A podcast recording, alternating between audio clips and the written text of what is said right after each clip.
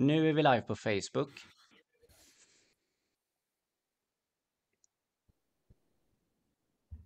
Inte på de andra bara. Nu är vi live på Youtube. Nu är vi live på LinkedIn.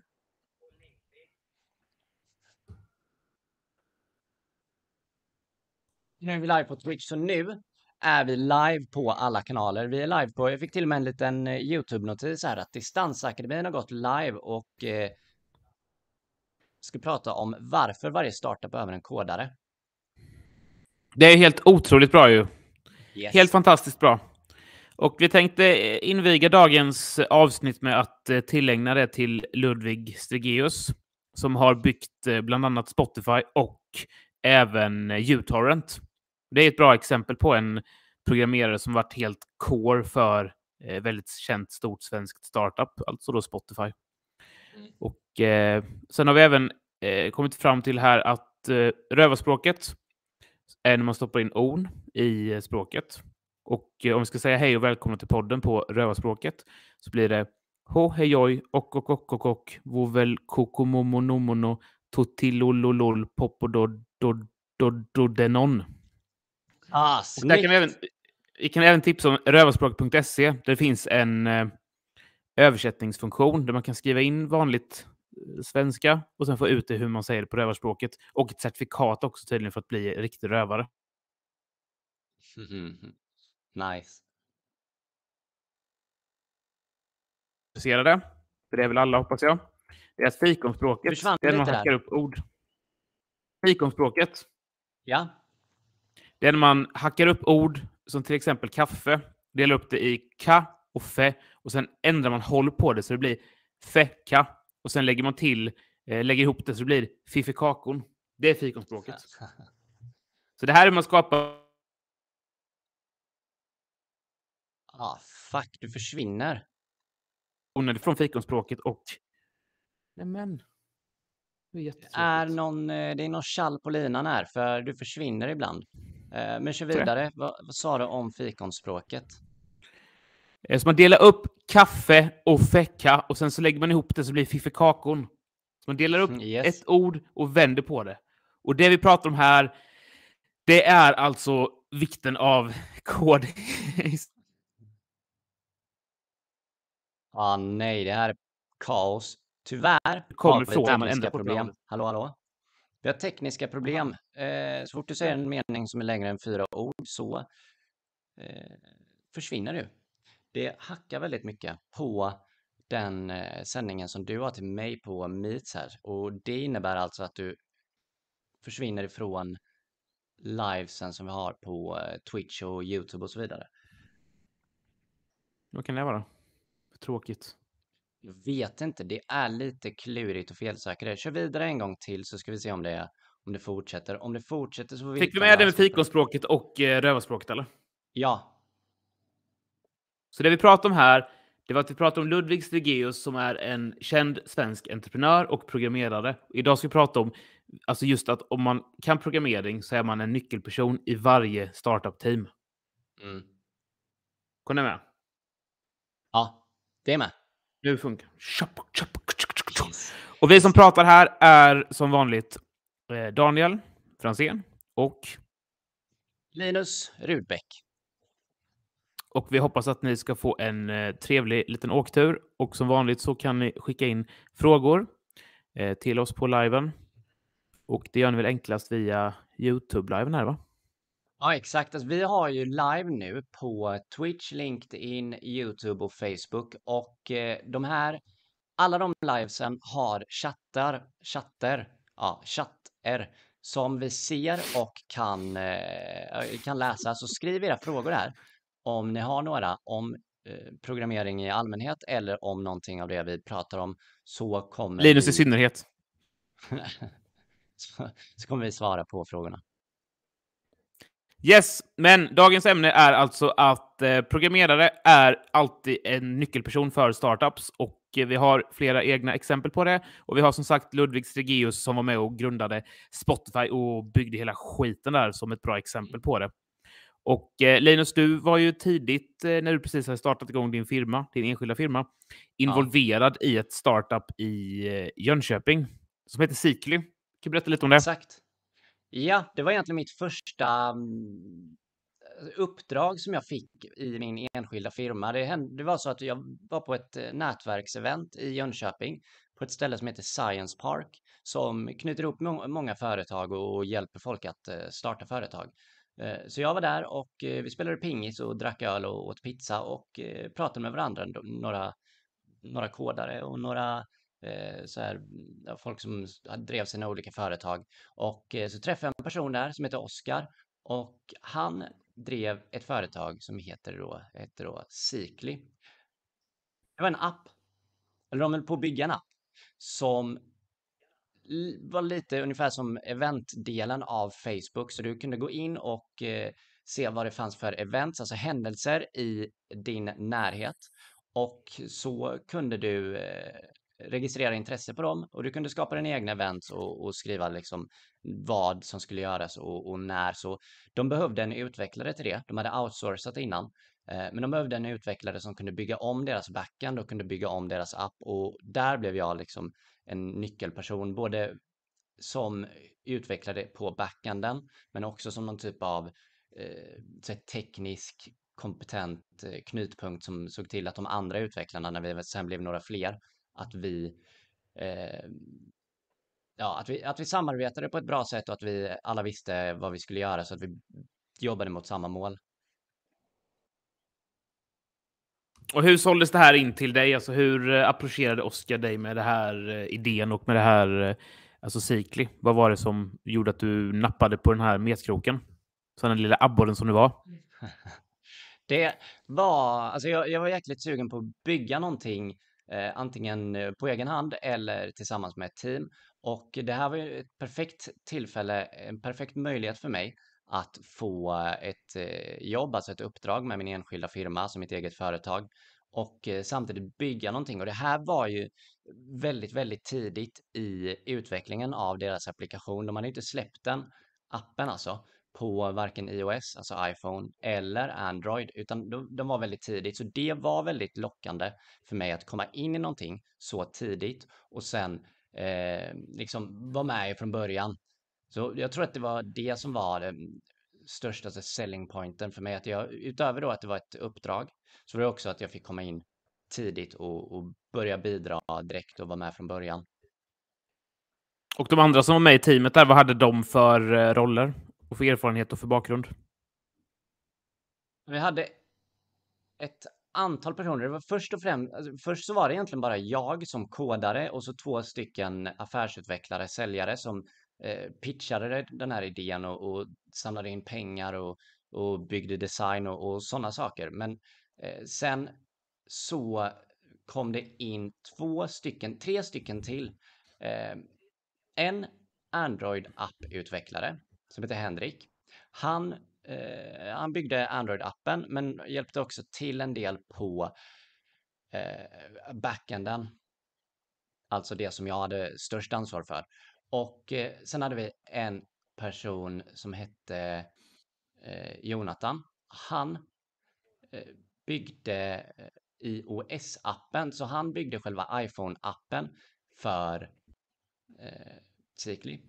Och sedan hade vi en person som heter Tobias och han var också eh, så här tekniskt, väldigt tekniskt kompetent, kunnig, så han var både en så här knutpunkt och hjälpte till att driva oss åt rätt håll som ett team, men också eh, hans fokus var på webbdelen, så både webbsidan, alltså där vi presenterade tjänsten, men också en webbversion av själva appen.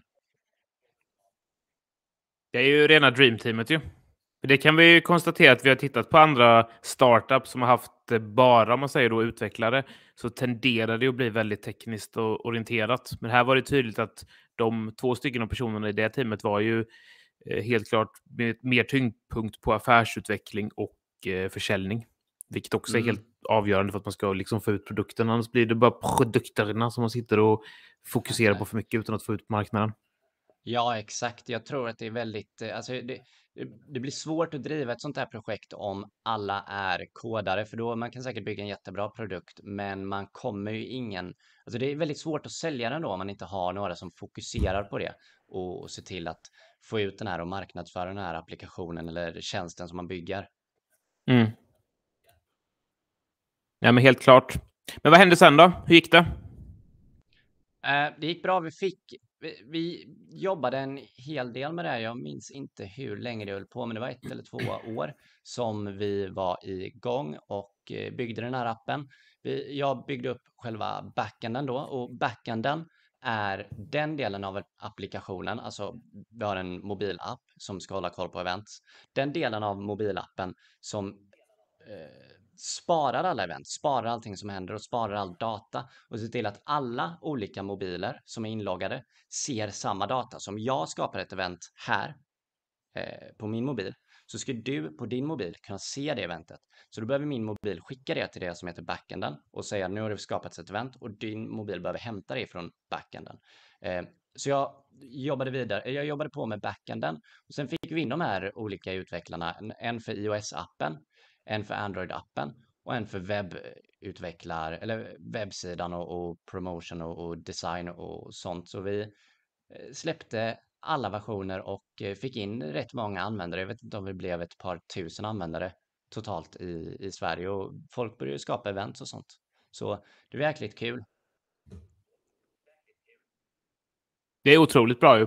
Men hur funkar det för dig? För du var ju fortfarande i det här läget relativt junior. Så hur jobbade du samtidigt som du skulle vara ansvarig för att typ bygga backenden i projektet? Alltså hur gjorde du för att samtidigt hålla, hålla jämna takt med att eh, lära dig? För jag kan tänka mig att du var under en lärande process också. Så hur kunde du lära dig samtidigt som du producerade någonting med, som jag kan tänka mig, höga krav på att det skulle gå både snabbt och bli bra liksom? Ja, alltså jag hade ju pluggat programmering. Jag började programmera långt innan jag började alltså, plugga programmering, för jag lärde mig programmering på egen hand först redan i eh, mellanstadiet. Och sedan när jag började i gymnasiet där vi faktiskt pluggade programmering, alltså hade kurser i programmering, då kunde jag typ allting redan som vi lärde oss där. Så jag var bland de liksom mest erfarna redan då. Och så fortsatte det ju eftersom jag då eh, hade möjlighet att ligga steget före under hela gymnasiet och även under eh, högskolan.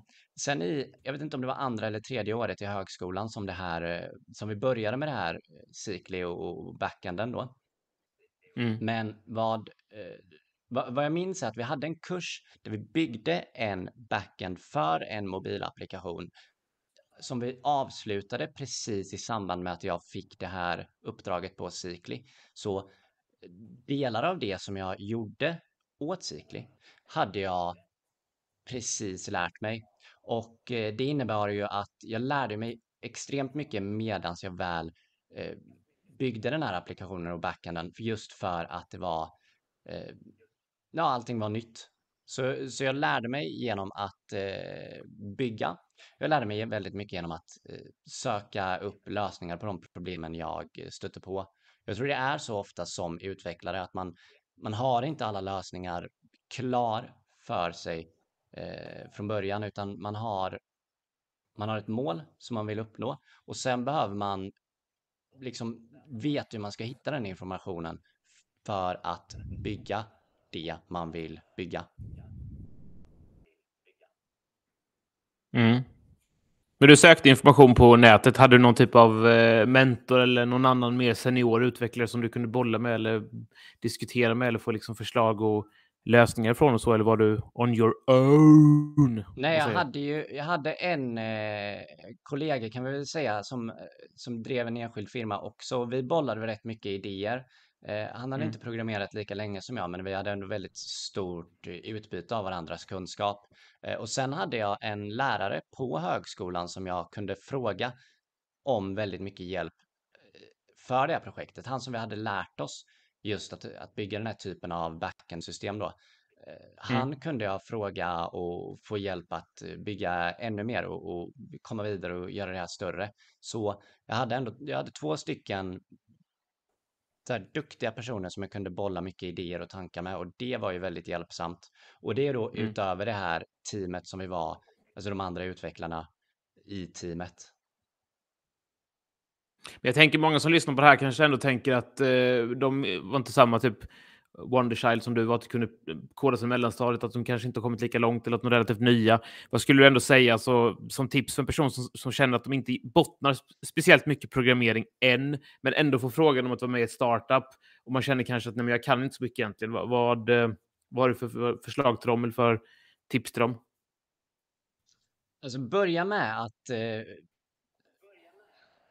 om du har lärt dig om du inte kan programmering och vill bygga någonting så ska du börja med att och liksom utvärdera vad det är du vill eh, kunna för språk och vad du vill kunna bygga. Och sen, sen finns det jättemycket information online om vad man behöver kunna för tekniker för att bygga olika saker. Just nu är det väldigt eh, bra just att kunna språket JavaScript, för det är ett eh, språk som används till att bygga allt möjligt, alltså backend-system och frontend och appar och så vidare. Så börja med att kolla in JavaScript och sen när du har kommit en bit i det, alltså när du har kommit, eh, börjat, eh, börjat lära dig och känner dig lite bekväm i det, börja bygg någon typ av helhetssystem, alltså kanske en app med en backend och inloggningssystem. Alltså, för där lär du dig extremt mycket och om du har gjort det så har du egentligen grundläggande kunskaperna som du behöver för att kunna bygga eh, någonting större. För allting som du ska göra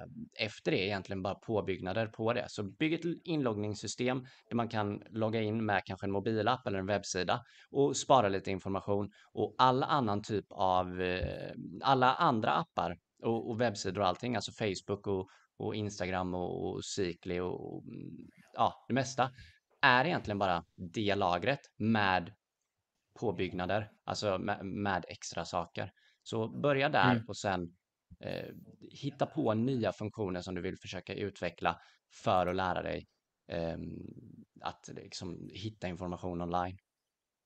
Mm. Men sen som vi sa här också tidigt, att det är verkligen en stark rekommendation från oss att hela tiden bygga produkterna, alltså nära kunder och till marknaden, så man inte förlorar det. För det är ju lätt att det blir en dans runt funktionalitet som teamet själv kan tycka är jätte, jätteintressant. Men om man glömmer doppa tån i vad marknaden vill ha så är det jättelätt att tappa intresset. Man måste vara alltså, otroligt eh, användarbaserad hela tiden. Verkligen.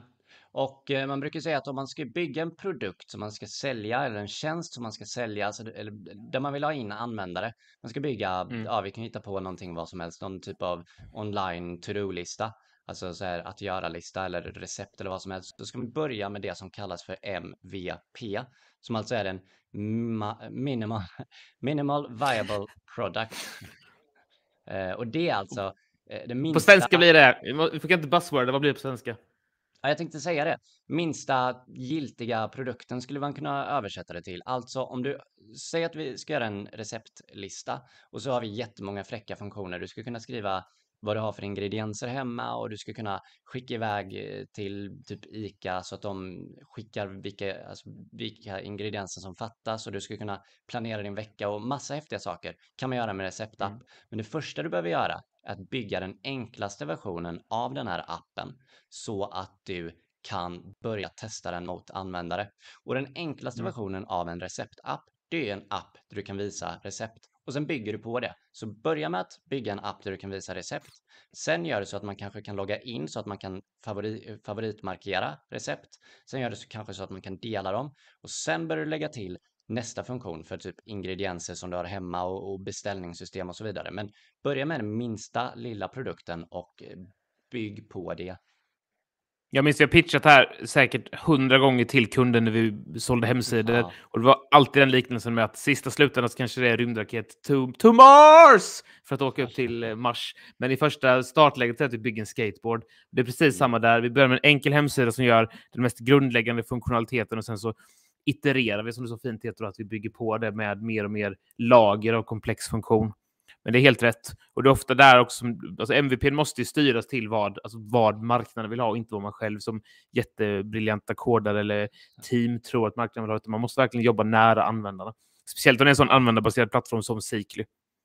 Mm, verkligen det är också just det du säger med att iterera och, och jobba nära användarna. Alltså man kan ju hitta på alla de här märkliga funktionerna som jag sa nu med receptappen som vi hade som exempel. Eh, men det kanske visar sig att ingen vill ha det. Det enda folk vill ha är att man ska kunna visa recept och eh, dela dem med varandra. Och om, de, om användarna inte vill ha något mer eller användarna vill ha några andra grejer som inte ni har tänkt på, då ska ni inte investera den mängd tid och därav pengar som krävs för att utveckla funktioner som de inte vill använda. Så ha en tät dialog med era användare om ni nu bygger en app som användare ska använda. Och där vet vi också, menar, det är ju jättelätt, man sitter och, och mindmappar och så försöker idéspåna att det blir hur alltså, sjukt stora projekt som helst. Så att försöka hålla mm. det väldigt, väldigt alltså, avskalat och enkelt är ju alltså, svårt men jätte, jätteviktigt. För det är inte så störst idéer och flest grenar på trädet vinner, utan det är ju att få så enkelt och smidigt att användarna faktiskt återkommer och använder det som är det enda som räknas om man ska lansera en sån produkt. Produkt. Eh, bra, har vi några frågor på tråden? Linus på linan, tråden på tråden. Ja, jag har lite frågor. Jag la ut en story på Instagram eh, tidigare idag. Nej, igår kväll. Eh, där jag pratade om, eller berättade om den här liven och sa att om ni har några frågor om programmering som vi kan svara på på liven så skicka in dem. Jag fick några stycken. Eh, den första var någon som ville att jag skulle berätta om Fizzbuzz och eh, jag kan dra lite kort vad Fizzbuzz är.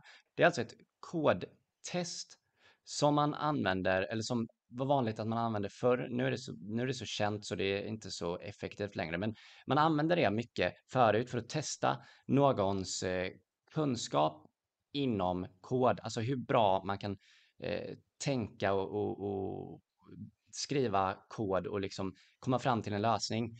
Eh, och kortfattat så är det så att du ska skriva ett program som ska räkna ifrån 1 till 100 och eh, för varje tredje siffra, alltså för 3, 6, 9, så ska du skriva ut FIS, alltså F-I-Z-Z, istället för siffran eh, för varje femte siffra, alltså 5, 10, 15, så ska du skriva ut BUS, alltså B-U-Z-Z. Och för varje femtonde, alltså om det är den tredje och femte siffran samtidigt, så ska du skriva ut FIS buzz. Så det är lite, ja, lite kort hur det testet går till. Men det är alltså ett test som man kan tänkas få som utvecklare på en intervju för att eh, den som intervjuar dig ska kunna se hur attackerar du det här problemet? Vad är, ditt, eh, vad är din strategi? Så om jag bara säger den här formuleringen som jag gjorde nu så är det möjligt att du som utvecklare på en intervju kanske inte ens hängde med så du behöver ställa frågor och, och be mig repetera saker. Du kanske behöver be mig eh, skriva ner eh, instruktionerna istället och, och du kanske vill ha en tavla eller något. Ja, exakt. Kanske vill ha någonting att eh, anteckna på för att eh, komma igång med det här. Eh, och, och veta ens vad det är du ska bygga. Så ja, det är lite mm. kort om Fizzbuzz. Jag minns att vi skulle göra, vi skulle skicka in en, en eh, arbetsansökan för ett eh, typ konsultuppdrag. Och då var det en mm. jättespännande rekryteringsbyrå i Jönköping som höll i den rekryteringen.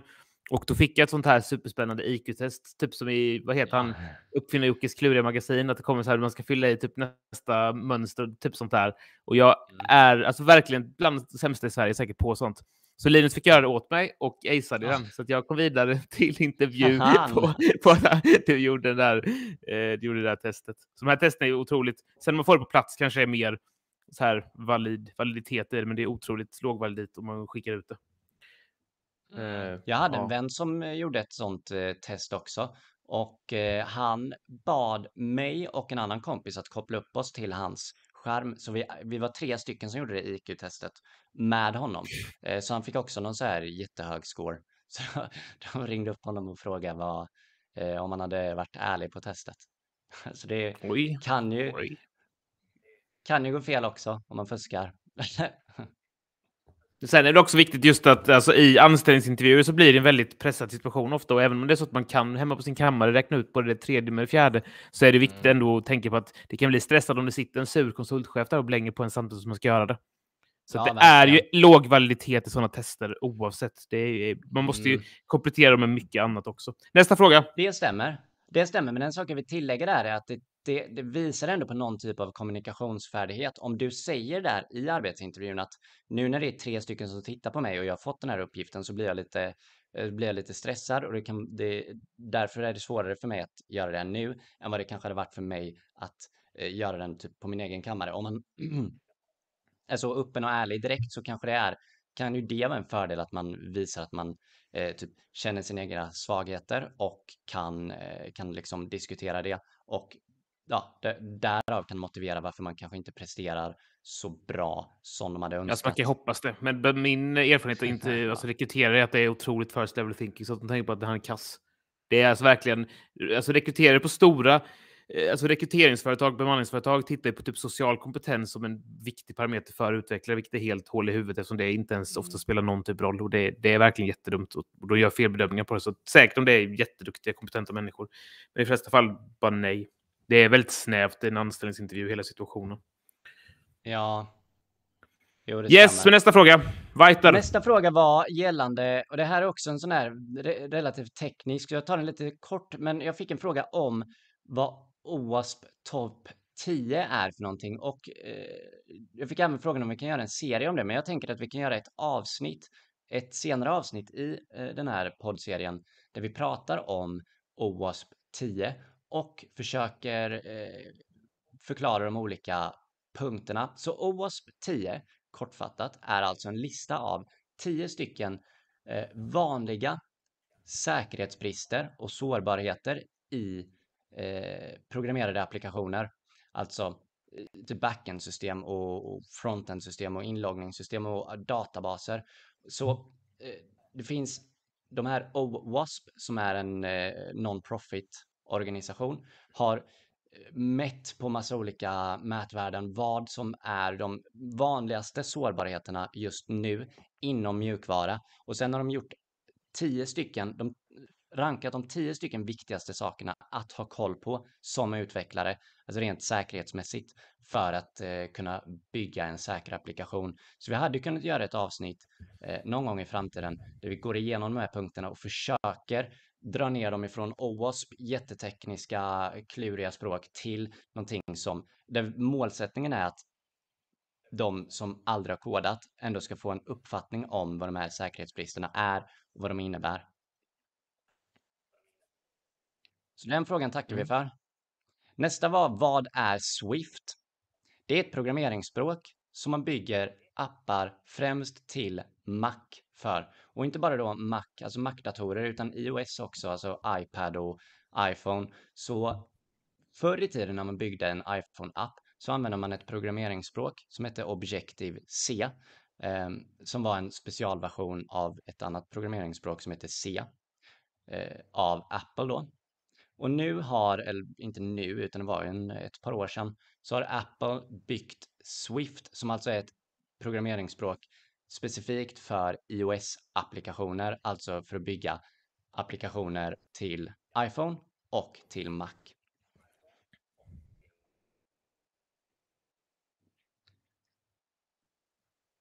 Yes. Några fler frågor? Nästa fråga var, kan ni Lua? Eh, korta svaret är, är nej. Jag har suttit väldigt, väldigt lite med Lua. Så det har jag ingen erfarenhet av tyvärr. Inga andra frågor som inte är så specifika? Programmeringsspråk? Nej, det var Skicka gärna in sådana. fler frågor om eh, grundläggande frågor, även för er som inte är programmerare eller kanske inte har testat på tidigare också. Det här är ju podden för alla, även om man inte har någon erfarenhet sedan tidigare. Vilgot Smedberg skriver här tjena på chatten tror jag att det är. Hej Vilgot Smedberg. Kul att du är med och kul att du är taggad på livet. Karin Hermansson. Det är hon, vad heter hon, programledaren va? Ka nej, Kakan Hermansson heter hon. Ja. Karin Kakan Hermansson. Hej! Skriv gärna frågor även om eh, att eh, söka jobb som programmerare och mer eh, brett om ni inte har testat. Känn inte att ni, att ni måste kunna massa svåra ord för att få med den här Eh, excellenta sam samvaron som vi har här. Kan du loa? Nej, men jag kan eh, flöjt. Lockflöjt. Har några mer roliga anekdoter om eh, programmering? Vi hade ju en, eh, en, vi byggde en sida för ett tag sedan eh, Webbhjältarna eller Redcapes som vi eh, publicerade. Då kom det ju ett, eh, ett gediget dokument från en kille som hade, alltså, hade en lista i något typ av Word-dokument på säkert fyra sidor med olika fel eh, som han har upptäckt då i eh, koden, alltså i hemsidans kod. Han har gått in och tittat och väldigt gediget dokument som han skickade till oss och även på kopia på det mejlet med de här påtalade felen var ett eh, stort Jönköpingsbaserat it-företag och en väldigt specifik person där. Så det, det, var, det var intressant att lägga den tiden. Eh, det är intressant just det här tycker jag att eh, folk säger ofta att de har väldigt lite tid. Men sen tittar man på vad en del lägger tid på så är det, det finns tid kan man säga. Om folk Verkligen. vill lägga den. Mm. Men vad ska vi summera dagen med? Vi summerar den med att eh, tänk på att som programmerare så är ni alltid eh, i position att bli en core nyckelperson i ett startup. Verkligen. För typ alla startups, så länge det inte är någon bilfirma, även om vi skulle göra ett bilsystem också från början, behöver ju en programmerare två. Och då är ni ett väldigt bra läge att, att bygga in er i teamet. Men det är viktigt där att eh, teama upp med personer som också har bra kompetens inom försäljning, marknadsföring, affärsutveckling och, och jobba med att produktutveckla väldigt nära kunden, klienten, användaren så att man inte bygger bort sig från eh, användarnyttan. För det är rätt lätt och rätt farligt att göra det. Verkligen. Eh, men ni behöver inte ha någon superkompetens heller, utan Linus var ju ganska junior. Ändå hamnade han relativt fort i ett härligt dreamteam eh, i ett produktbolag som ja, lyckades väldigt bra och fick ju någon typ av investering från ett väldigt stort mediehus i slutet där, om jag förstod det här rätt. Eller var på väg att få i alla fall. Så det blir ju bra. Ja, verkligen. Så det var kul. Eh, bra, klockan är 19.30 och har vi inga andra frågor så tycker jag att vi avrundar. Och fram till nästa vecka, kom ihåg att skicka in era frågor och förslag på ämnen och funderingar. Och ni kan ju skicka det på valfri kanal eller så kan ni ja, mejla oss på våra namn distansakademin.se eller eh, ringa oss. Våra kontaktuppgifter är relativt lätta att hitta. Yes. Så något mer vi ska säga till lyssnarna, Rubek? Nej, utan eh, jag hoppas ni sätter igång med programmering och, och, testar att eh, lära er. Testa att skriva en rad eller två. Vi har jättemycket eh, material gratis på Youtube, så gå in på vår Youtube-kanal och kolla där om du är minst intresserad av att bara se om programmering är någonting för dig. Fastnar du någonting, på någonting så... Bra! och gillar du språk så rekommenderar jag rövarspråket. Oj, jag buggar jättemycket. om, om ni fastnar på någonting så gå in på vår Discord-server på distansakademin.se discord så finns jag plus en massa andra där och hjälper er komma vidare. Det är väl det sista jag vill avsluta med. Och jag vill skicka med rövarspråket.se. Där finns en översättare där ni kan översätta vanlig svenska till rövarspråket och bli certifierade i rövarspråket. Även om det står på certifikatet att är du en riktig pirat, då menar vi rövare då. Så ha det bra det. Ha det bra det. Ja, hej, snälla hej. gör det. Hej.